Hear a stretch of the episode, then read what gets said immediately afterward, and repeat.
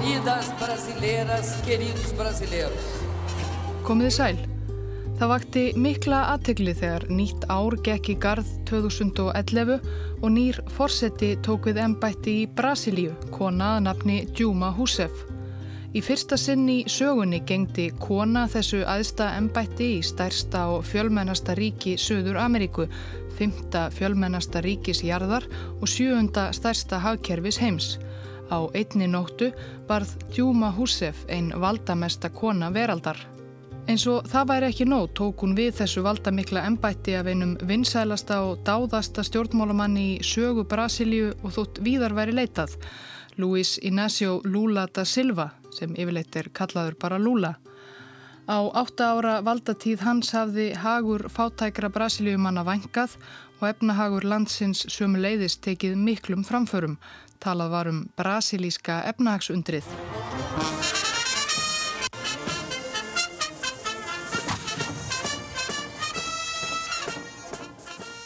og þegar flokkssýstir hans úr brasilíska verkamannaflokknum og náinn samstarfsmæður til margra ára, Júma Húsef, tók við fórseta ennbættinu á nýjárstag 2011, leitt svo sem ekki út fyrir annað en að Sigur ganga Brasilíu myndi halda ótröð áfram undir hennar stjórn.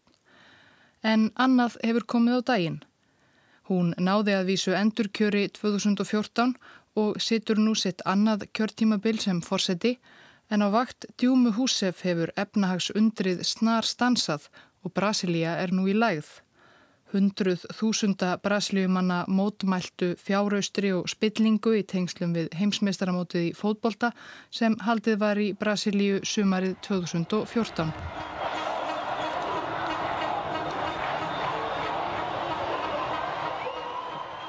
og ekki er útlitt fyrir að ólimpíuleikarnir sem halda á í Rio de Janeiro nú í sumar verði minna umdeildir. Djúma Húsef er að auki flægt í umfangsmikið spillingarmál tengt ríkis ólíufyrirtækinu Petrobras og fjölda áhrifamikilla politikusa þeirra á meðal er reyndar sjálfur Lula da Silva. Hún hefur í framhaldi af því verið sökuðum fleiri afglöp í ennbætti meðal annars að hafa breytt ríkisreikningum sér í hag þegar hún sótist eftir endurkjöri 2014. Líklegt er að hún verði ákjærð fyrir ennbættisklöp og sett af sem fórseti. Djúma neytar öllum ásökunum og segist ætla að berjast áfram. Því er hún svo sem vön. Því áður en Djúma varð fórseti var hún marxískur skæruliði.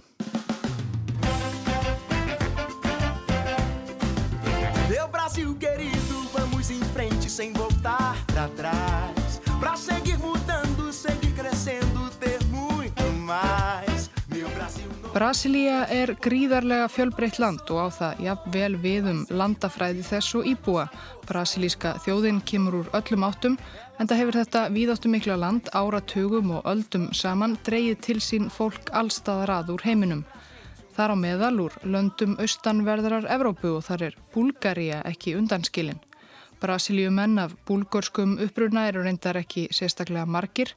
Þeir eru fleiri í Argentínu en þó nokkur þúsund brasilíumenn rekja ættir sínar til Búlgaríu í dag.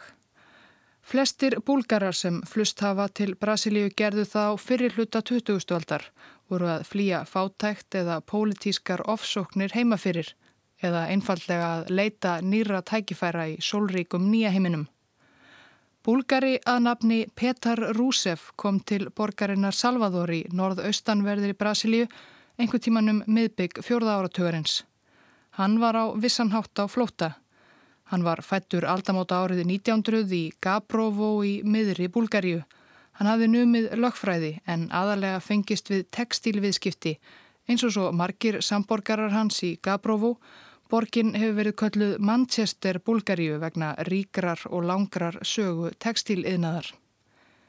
En þótt Petar Rúsov verslaði með tuskur til að hafa í sig og á, þá var hann bóhemi eðli og flökku eðli í honum líka. Hann fegst við að yrkja og þó ég viti ekki til þess að nokkuð hafi komið út á prenti eftir Rúsef, umgekst hann sannarlega mörg helstu skáld búlgara á þessum tíma Þar á meðal eina mestu skálkonu búlgara fyrr og síðar, Elisavetu Bakriana. Hún var þrí tilnemd til Nobelsverluna og milli þeirra Petars var náinn vináta og kannski eitthvað meira hafa bókmyndafræðingar síðan velt fyrir sér.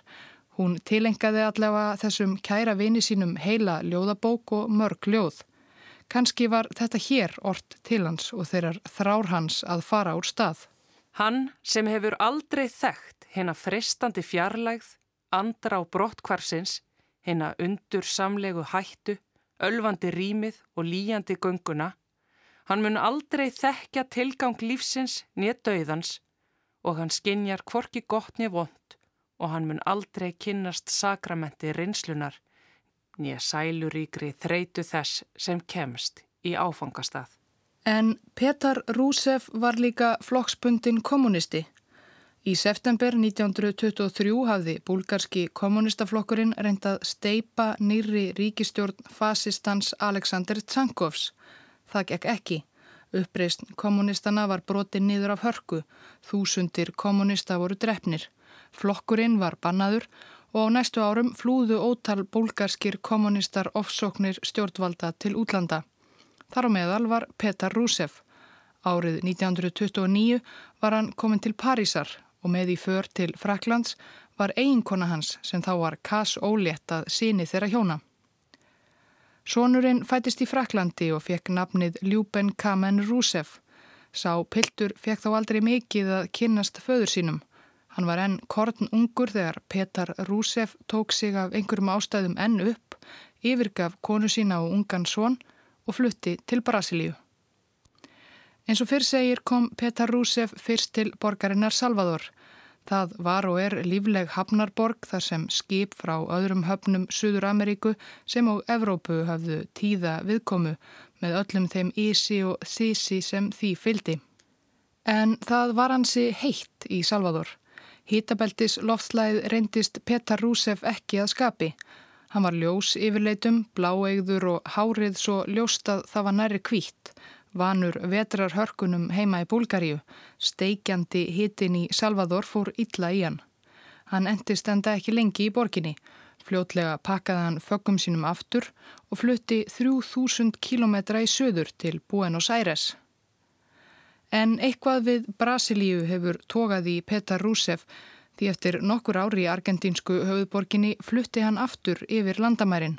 Hann flutti fyrst til São Paulo fjölmennustu borgar Brasilíu og þeirrar fjölmenningarlegustu sem er um það byl miðja vegu millir Góðuviðru og Salvador. Loftslægi þar var eflaust ögn skaplegra enn í Salvador. Hann fór nú að fást við fastegna viðskipti og þau gengu vel. Bóheminn og förumadurinn hafði fundið sína hillu. Hann breytti nafninu sínu nokkuð. Petar var þið öllu brasilískara Petró En búlgarst eftir nafnið Rúsef skrifaði hann með latneska stafróinu upp á franskan máta með tveimur S-um og tveimur F-um en með brasilískum framburði varðarindar Húsef. Pedro Húsef var svo einhverju sinni á ferðalægi í Minas Gerais fylki Brasilíu, norður af São Paulo, þegar hann kynntist ungri og fallegri kjenslukonu, Djúmu Sjane Silva. Hún var tíu árum yngri en búlgarinn en með þeim tókust miklir kærleikar. Von bráðar voru þau gift og sestað í höfuðborg Minas Gerais, Belo Horizonte. E.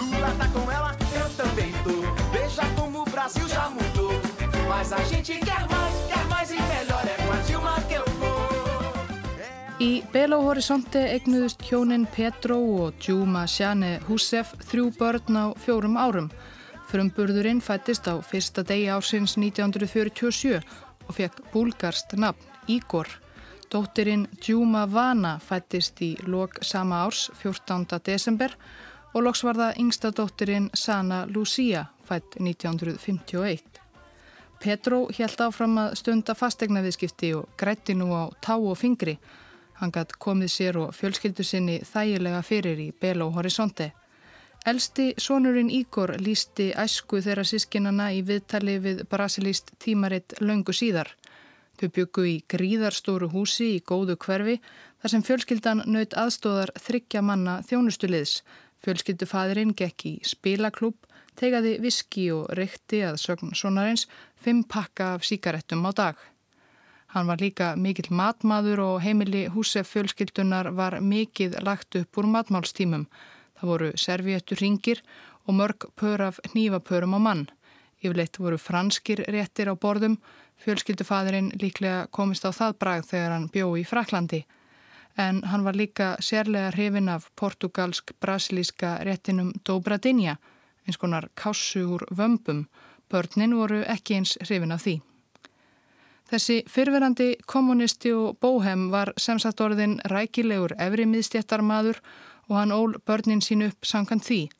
Þau lærðu öll á piano og einu sinni viku kom fransku kennari heim og þau voru sendi í bestu skólana sem Belo Horizonte hafði upp á að bjóða.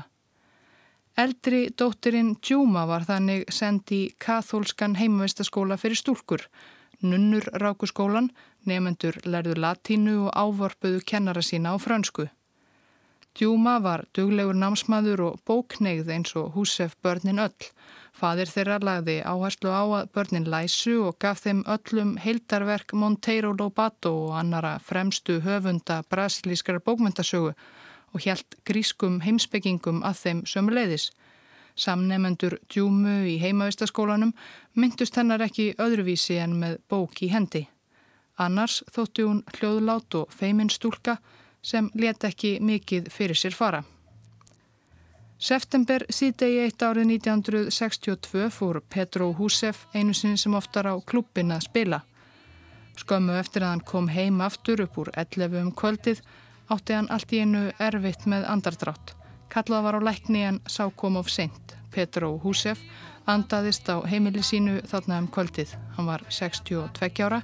Djúma, dóttir hans, var á 15. ári.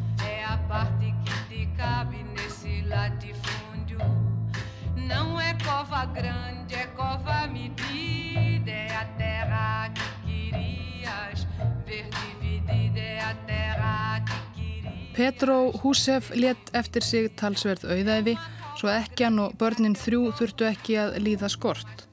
Þau voru raunar ekki þau einu í erðaskalunni.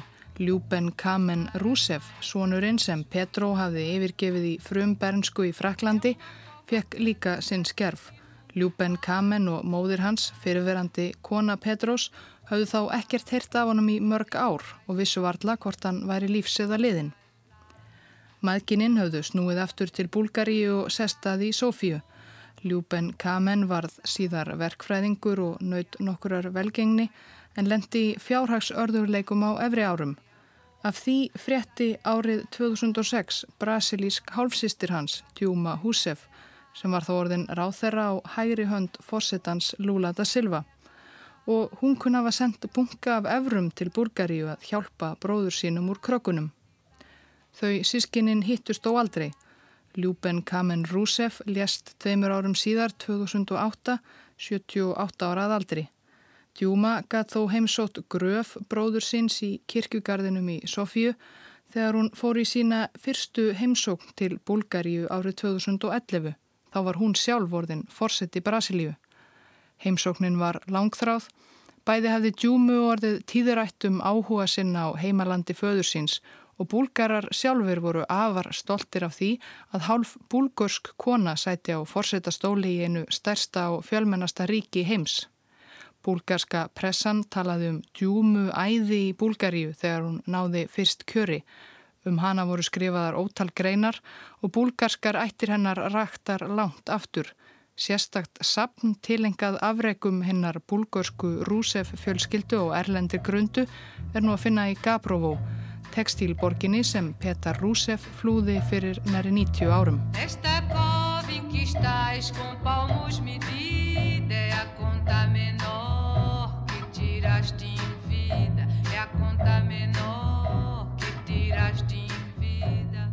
En búlgarskan föður sinn misti djúma sem sagt 15 ára gömul árið 1962. Það var á miklum umbrota tímum í Brasilíu. Vinstri maðurinn Sjóa og Gúlar eða Sjangó eins og hann var gerðan kallaður var fórseti Brasilíu frá 1961. Hann var uppaflega kjörinn varaforseti þetta sama ár en fórsetin, miðjumadurinn Sjánjó Quadros, sagði af sér skömmu síðar svo að Sjangó tók við eins og lög og reglur ríkisins hvaðu áum. Sjango var einn af læri sveinum brasilíska landföður sinns Getúli og Vargas sem ríkti í 24 ár frá 1930 til 54. En þó Sjango væri sannarlega líðræðislega kosin voru ekki allir á eitt sáttir við hann sem forsetta. Íhaldsamari öll í stjórnkerfinu sem hafðu ítök víða, ekki síst í brasilíska hernum. Sjango var sagður hættulegur rótæklingur og kommunisti, hallur undir sovjetmenn. Sjango átti í stöðugu stappi við þessi íhaldsöfl fyrstu tvö árin sem fórseti. Meðal annars fengu þingmenn samþyktar breytingar á stjórnaskrá sem gerði fórsætis ráþerra Brasilíu að miklu valda meira ennbætti en áður var á kostnað fórsetans var þetta gert aðalega til að klekja á Sjango. Hann var þó ekki á baki dottin. Árið 1963 bóðiði hann til þjóðaratkvaðgreðslu um þessar stjórnarskrárbreytingar þingmannana og brasilíska þjóðin hafnaði þeim með miklu meiri hluta. Hann fekk því aftur fyrri völd sem fórseti, nokkuð sem var ekki til að kæta anstæðinga hans. Þeir byrjiðu enda að plotta gegnunum af fullum krafti. Árla morguns þann 31. mars 1964 byrtust hermenn á gödum Rio de Janeiro, gráir fyrir járnum. Ekki leið á löngu þar til svipað mátti sjá í öðrum helstu borgum Brasilíu. Það var greinilega valdarán í uppsiklingu. Sjango fórseti var þá í Rio en fór umsveifalaust til höfuðborgarinnar Brasilíu en þar beigð hans ekki sá stuðningur sem hann hafi vonast eftir. Herfóringarnir höfðu náð yfirhöndinni. Þann 4. apríl 64 fór Sjango til Uruguay. Herfóringarnir áttu eftir að stjórna landinu með hardri hendi næstu tvo áratugina. Vinstri maður áttu ekki eftir að gegna ennbætti fórseta Brasilíu aftur fyrir næri fjórum áratugum síðar, 2003, þegar Lula da Silva settist á fórsetastól. Hello? Oh, is George Ball. Yes, George. Uh, Tom Mann is on with me. Hi, Tom. A, uh, a quick uh, Líkt og hefðir fyrir í Rómansku Ameríku var bandaríkjastjórn og leini þjónustan CIA auðvitað með puttana í valdaráninu. Um það leikur engin vafi í dag. Í bókasafni Lyndon B. Johnsons bandaríkjaforsetta er geimt upptaka frá því 21. mars 1964, deginum sem herrmennir byrtust á götum Ríó. Fórsetin var þá stattur á búgarði sínum í Texas en gaf sér tíma til að ræða atbyrði dagsins í Brasilíu í síman við sérfræðinga sína í málefnum Rómunsku Ameríku. Uh,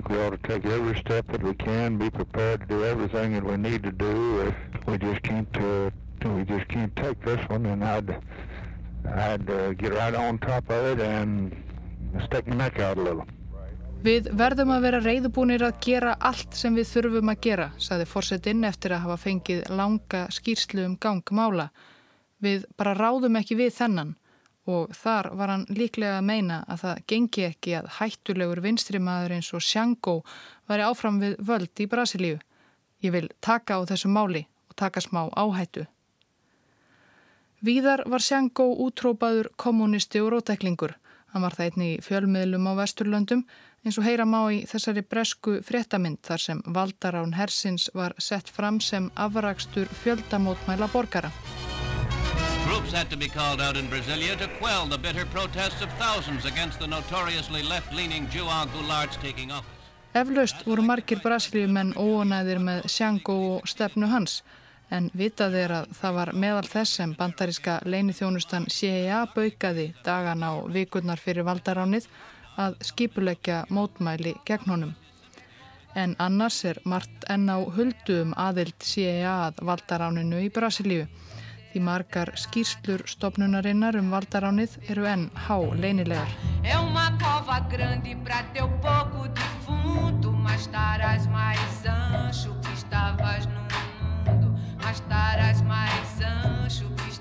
Brasilia var því heljar greipum hægri sinnaðarar herfóringjastjórnar þegar Djúma Húsef hóf mentaskólanám 18 ára guðamul árið 1965.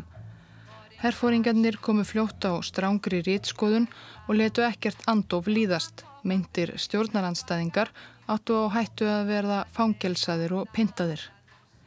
Mentaskóli Djúmu var ríkisreikin og þar stunduðu bæði kynin nám. Þetta var því öllu öðruvísi umhverfi en kathólski heimavistaskólinn þar sem hún hafi verið síðustu árin. Nefendur voru líka margir á kafi í rótækri pólitík, alls ekki ánæðir með herfóringjastjórnina og ofríki hennar. Djúma bættist fljótt í þann hóp. Það var þá sem ég áttaði mig á að veröldin var engin staður fyrir fegurðardísir. Eitthvað á þessa leið sagði Djúma síðar um mentaskóla ár sín. Hún varð marxisti og 1967 gekk hún 19 ára gömul í Pólop, rótækan arm brasilíska sósilistaflokksins. Jafnvel þar innan borðs varð Djúma fljótt þekkt fyrir að vera herska og hörð af sér. Liðsmenn Pólop deildu um það helstum þessar mundir hvort væri líklæra til árangurs í baráttunni fyrir sósialismannum, friðsamlegar aðferðir eða vopnuð barátta. Fyrir Djúmu Húsef varð vopnaða baráttan ofan á. Hún gekk því fljótt á samt herskáustu félögum sínum í Pólop í enn annan klopningshópin, þjóðfrelsis nefndina eða Commando de Libertación Nacional, Colina í daglegu tali. Liðsmenn Colina voru ungir um og undir tvítugu og ákafir. Þau skiplögðu og sóttu námskeið í vopnaburði og sprengugerð, sjálfsvörn og marxískri kenningafræði. En það sem helst vantaði til að geta byrjað fyrirhugaðan skæruhernað gegn brasilískum stjórnvöldum fyrir alvöru var fjármagn til vopnakaupa. Það var af afar skornum skamti. Ungmennin í Kolína letu fyrst til skara skrýða í ágúst 1968. Fjórir félagar, tölbúnir sem lauruglumenn, réðust á jeppa frá fjármálaráðuneytinu sem þau töldu að væri að flytja verðmæti. Ekkert fjemætt reyndist vera í bílnum. Þau voru þó ekki af baki dottin. Næstu fjóra mánuði reyndu félagar Kolína fjóra banka viðsvegarum mínastjeræs fylki, stálu nokkrum bílum og fremdu tvær sprengju ára á sér á lauruglubyggingar. Engin slasaðist. Það var eftir áramótin 69 sem fór að hitna í kólunum. Þann 14. janúar rændu kólínaliðar banka í borginni Sabara. Ránið fór úrskeiðis og nokkrir voru handteknir þar á meðal leðtói flokksins. Og í morgunsárið daginn eftir réðust lauruglumennin í húsið þar sem þeir kólínaliðar sem eftir stóðu höfðu sapnað saman til að ræða næstu skref og kvíla sig. Sá sem fyrstur rumskaði greip vélbissu og let skotin dinja á lauruglumannunum. Tveir þeirra letu lífið og eitt til viðbótar særðist. Lauruglan var ekki sérlega ánað með að þessi öfgafullu ungmenni hefðu myrt tvo af þeirra eiginu mönnum. Framvegis voru þau all hundelt af herr og lauruglu.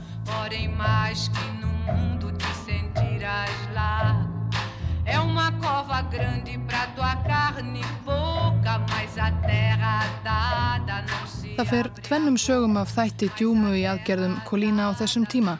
Hvað hún gerði, hvar, hvenar og hvernig og sérstaklega hvort hún tók beinan þátt í vopnuðum, ránum og öðrum slíkum aðgerðum.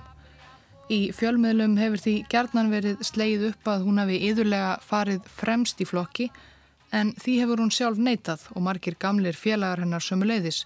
Djúma hafi aldrei stundað ofbeldi eða borið vopn og þáttur hennar í skæruliða hópunum sem hún tilherði hafi verið íktur vegna þeirrar fræðar sem hún öðlaðist síðar.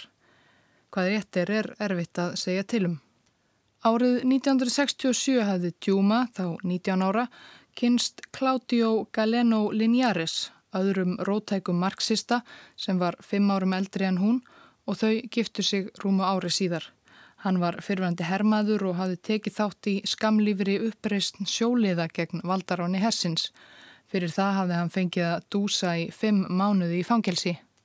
Um það að Galeno tók þátt í bankaráninu mislukkaða í Sabara leikur engin vafi og þau hjónin lögðu því á flóta. Í byrjun árs 69 voru þau aldrei meira en eina nótt á sama stað ferðuðust með leind á milli hótela, gistiheimila og skjólshúsa, gáttu kvorki farið heim til sín nýtt til ættingja, fullvisum að lögreglan fyltist með þeim. Herr lögreglan reðst sannarlega inn á heimil þeirra. Þar var lagt hald á ýmsar eigur ungu hjónuna, bækur eftir Lenin, Trotski og Castro, nokkur bókmentatímaritt, kíki og keðjusög og ymsar kvittanir. En ekkert fundu lauruglumennir eins og þeir hafðu vonast til um innra starf skærulega sveitarinnar áform þeirra á leindarmál.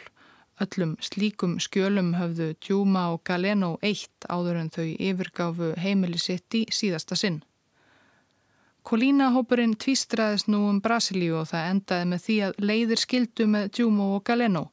Hann fór til Porto Alegre síðst í Brasilíu en Djúma var sendt til Ríó þar sem hún átti að ebla starf þjóðfrelsis nefndarinnar þar, skipleggja fundi og fleira. Það var á einum slíkum fundi sem hún kynntist Carlos de Arúsjó. Hann var lögfræðingur og eldheitur kommunisti. Hann hafi ferðast með byltingarmönnum viðsvegar um álfuna og hitt bæði Castro og Tje og setið nokkra mánuði í fangelsi. Þau djúma urðu ástfangin og hún ákvaða að segja skilið við Galeno. Djúma kom sér alltaf beintað efninu, saði Galeno síðar um skilnaðin í viðtalið við Brasilís tímaritt. Hún heimsótti mig í Porto Alegre og sagði, nú er ég með Carlosi og svo var það bara búið, sagði Galeno. Þau skildu í mesta bróðerni. Djúma og Arúsjó giftu sig og ekki löngu síðar rann Kolína, þjóðfrelsis nefnd Djúmu, inn í skærliða hóp sem Arúsjó sjálfur tilherði, vopnaða framlínu byltingarinnar í Palmares, kenda við sögufrækt samfélag sem flótaþrælar stopnuðu á norðaustuströnd Brasilíu á 17. öld. Sankvæmt stefnusgrá hópsins var markmið þeirra að efna til byltingarstríðs, návöldum og byggja upp sósælismann. En fer hér tvennum sögum af því hvert hlutverk Djúmu var í þessum hópi. Sagt er að hún hafi verið einn af hans helstu leðtóum, heilin á bakvið fjölda bankarána og aðrar aðgerðir hópsins í þáu byltingarinnar. Hinn brasilíska Jóhanna af Örk hafi hún verið kölluð af rannsóknarmönnum hersins sem reyndu sífelt að hafa hendur í hári hennar. En Djúma sjálf vil ekki kannast við þetta. Hún hefur svo sem lítið tjá sig um árin sem skæruleiði en hefur alltjent sagt að hún minnist þess ekki að hafa verið neitt leðtogi, ekki skiplagt nein bankarán. Gamlir vopnabræður hennar hafa tekið undir þetta. Margir þeirra hafa líka komist til áhrifa í braslískum stjórnmálum eins og Palmaris liðin Carlos Mink sem varð síðar umhverfisráð þeirra í ríkistjórn Lula. Hann segir lítið hæft í staðhæfingum um að Djúma hafi verið einhver herskár höfuðpör. Þetta hefur Djúma sjálf sagt um skæruleiða ársín í viðtali við Brasilis dagblad. Við börðumst fyrir drauminum um betri Brasilíu. Við lærðum mikið, við gerðum mikið að skissum en það er ekki það sem enkendu okkur. Það sem enkendu okkur er að við dyrðumst að vilja betra land. Ein af þeim aðgerðum sem eignaðar hafa verið djúmu en hún ítrekkað þvertekið fyrir að hafa haft nokkuð með að gera er einn allra frægasta og arðbærasta aðgerð marxísku skæruleiðarhefingarinnar á árum herfóringastjórnarinnar í Brasilíu. Það var þann 18. júni 1969 sem liðsmenn Palmares sveitarinnar réðust inn á heimili ástkonu hins valdamikla fyrverandi fylgistjóra Sá Pálo, Ademar de Barros í Ríó og höfðu með sér þaðan heilan peningaskáp. Þegar skápurinn var opnaður með loksuðutæki reyndust þar hvorki meirinni minna en 2,5 miljón bandaríkjadala í beinhörðum selum. Framburðir vittna og laurugluskíslur frá þessum tíma benda þó til þess að djúma og eiginmaður hennar hafi að minnstakosti tekið þátt í undirbúningi ránsins og eftirmálum þess sömuleiðis. Djúma á að hafa haft umsjón með að deila ránsfengnum niður og borga ræningunum sinn skerf. Svo hafi hún meðal annars keift Volkswagen Bjöllu fyrir afgangin. Jú, það hefur hún vissulega viðurkent að hafa einhverju sinni gert á skerulið árunum.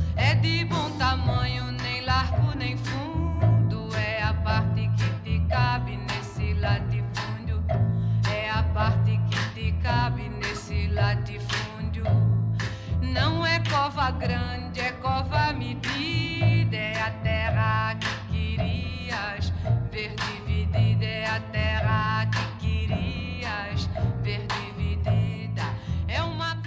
En þetta gífurlega ríkidæmi úr peningaskáp ástkonu fylgistjórans var það reyndar skæruleiðunum í vopnaðri framlínu byltingarinnar í Palmares ekki til mikillar gæfu.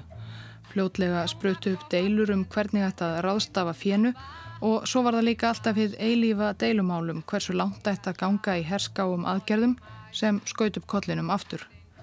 Djúma hafði þá leynast eitthvað í afstöðu sinni til hinnar vopnuðu byltingar og vildi frekar láta reyna á friðsamari aðferðir til að fá alþýðuna til að fylgja sér bak marxistunum. Þetta endaði auðvitað með því að vopnuð framlýna byltingarinnar í Palmares klopnaði í tvent og Djúma fór á samt öðrum úr hófsamari vagnum til Sá Páló. Árið 1970 gekk í garð. Djúma Húsef var 22 ára og árið átti eftir að reynast henni örlagaritt. Það byrjaði allt á því að maður að nafni Sjóse Olavo Leitse Ribeiro var handtekinn í einni af mörgum rassjum herifirvalda gegn marxistum í byrjun ársins, einmitt í Sá Pálo, þar sem Djúma Húsef var þá að koma undir sig fótunum. Það sem gert var við þessa ungu marxista eftir að þeir voru teknir höndum var að þeir voru pintaðir, miskunnanraust og lengi eða alltar til þeir ljóstruðu upp um félaga sína og vopnabræður. Eftir stanslausar pyntingar í sólarhing brotnaði sjósi Olavo Leitse Ribeiro niður. Hann sagði kvölurum sínum frá því að hann væri vanur að hitta kommunistafélaga sína á barnokkrum í borginni. Ribeiro var tjestlað saman og farið meðan á barin í fyllt óeinkenniskletra laurglumanna. Það leið og beigð, Ribeiro svitnaði. Svo kom einhver inn, það var ung kona, Djúma Húsef. Ribeiro reyndi að gefa henni merki um að ekki væri allt með feldu en það var um seinan.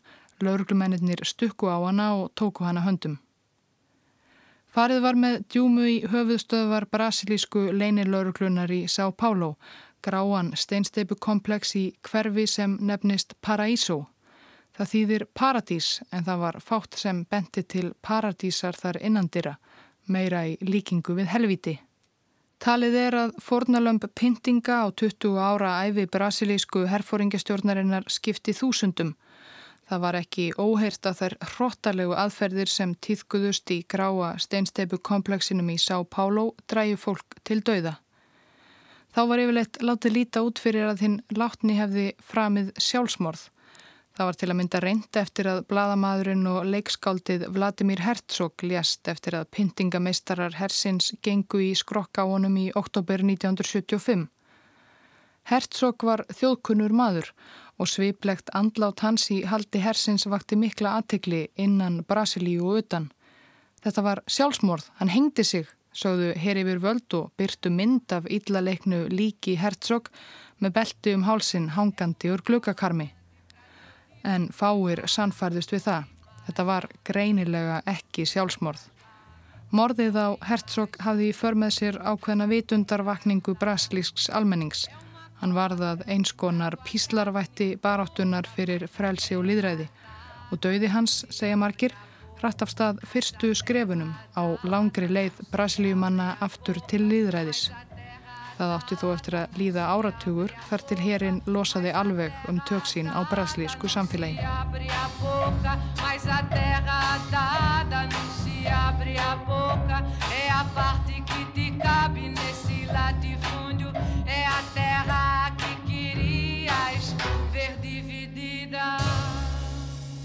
Í steinsteipu helvitinu í paradísarkverfinu var Djúma Húsef pintuð á hverjum degi í 22 daga.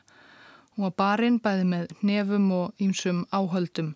Henni voru veitt raflost í fæturnar í eirun, öflugari og öflugari eftir því sem á leið. Og svo var það páagauksprikið, pyntingaraðferð sem rakin er til portugalskra þrælahaldara og naut sérstakrar hilli brasilísku herstjórnarinnar. Þá er fangin látin hanga öfugur á njánum á einskvers konar stöng eða röri, bundin á öklum og úliðum. Sársökin sem þessu fylgir mun vera gífurlegur eins og hlustendur geta eftirvill ímynda sér kjósi þeir yfirleitt að gera það. Djúma Húsef hefur ekki oft tjáð sig um pyntingarnar sem hún sætti af hendi herrstjórnarinnar en af og til reyndar. Qualquer comparação entre a ditadura militar e a democracia brasileira só pode partir de quem não dá valor à democracia brasileira. Hér lætur djúma þingmann stjórnarandstöðu sem áður tilheyrði stjórnmálaflokki herfóringjastjórnarinnar heyra það fyrir þingnemnd árið 2008. Hann hafi sakað hana um legar, fyrst hún gatt logið í yfirherslu herlörglunar á sínum tíma, laugun þá ekki líka á þingi. Eu tinha 19 anos, eu fiquei três anos na cadeia e eu fui barbaramente torturada, senador. Að bera saman herfóringastjórnina og brasilist líðræði getur aðeins á gert sem ekki kann að meta líðræðið. Ég var 19 ára gömul og pyntuð hróttalega. Ég er stolt af því að hafa logið. Að ljúa þegar maður sætir pyntingum er ekki auðvelt. Þú getur ekki ímyndað þér sársökan hæstvirti þingmaður. Ég er stolt yfir því að hafa logið því ég bjargaði félögum mínum frá sömu pyntingum og dauða. Djúma var dæmt í sex ára fangelsi fyrir aðild sína að marxískum skæruleiðahópum. Dómurinn var síðan mildaður og hún losnaði úr fangelsi í lok árs 1972. Hún hafði þá settið inni í næri þrjú ár. Hún var tíu kílóum léttari og með skjaldkirtil sjúkdóm eftir ömurlegan aðbúnað í fangelsinu. Eftir að hún náði heilsu flutti hún til Porto Alegre þar sem eiginmaður hennar dúsaði sjálfur í fangelsi. Hann hafi verið handtekinn skömmu á eftir henni og losnaði úr steininum tveimur árum síðar. Svo tók hún aftur upp þráðin í háskólanum.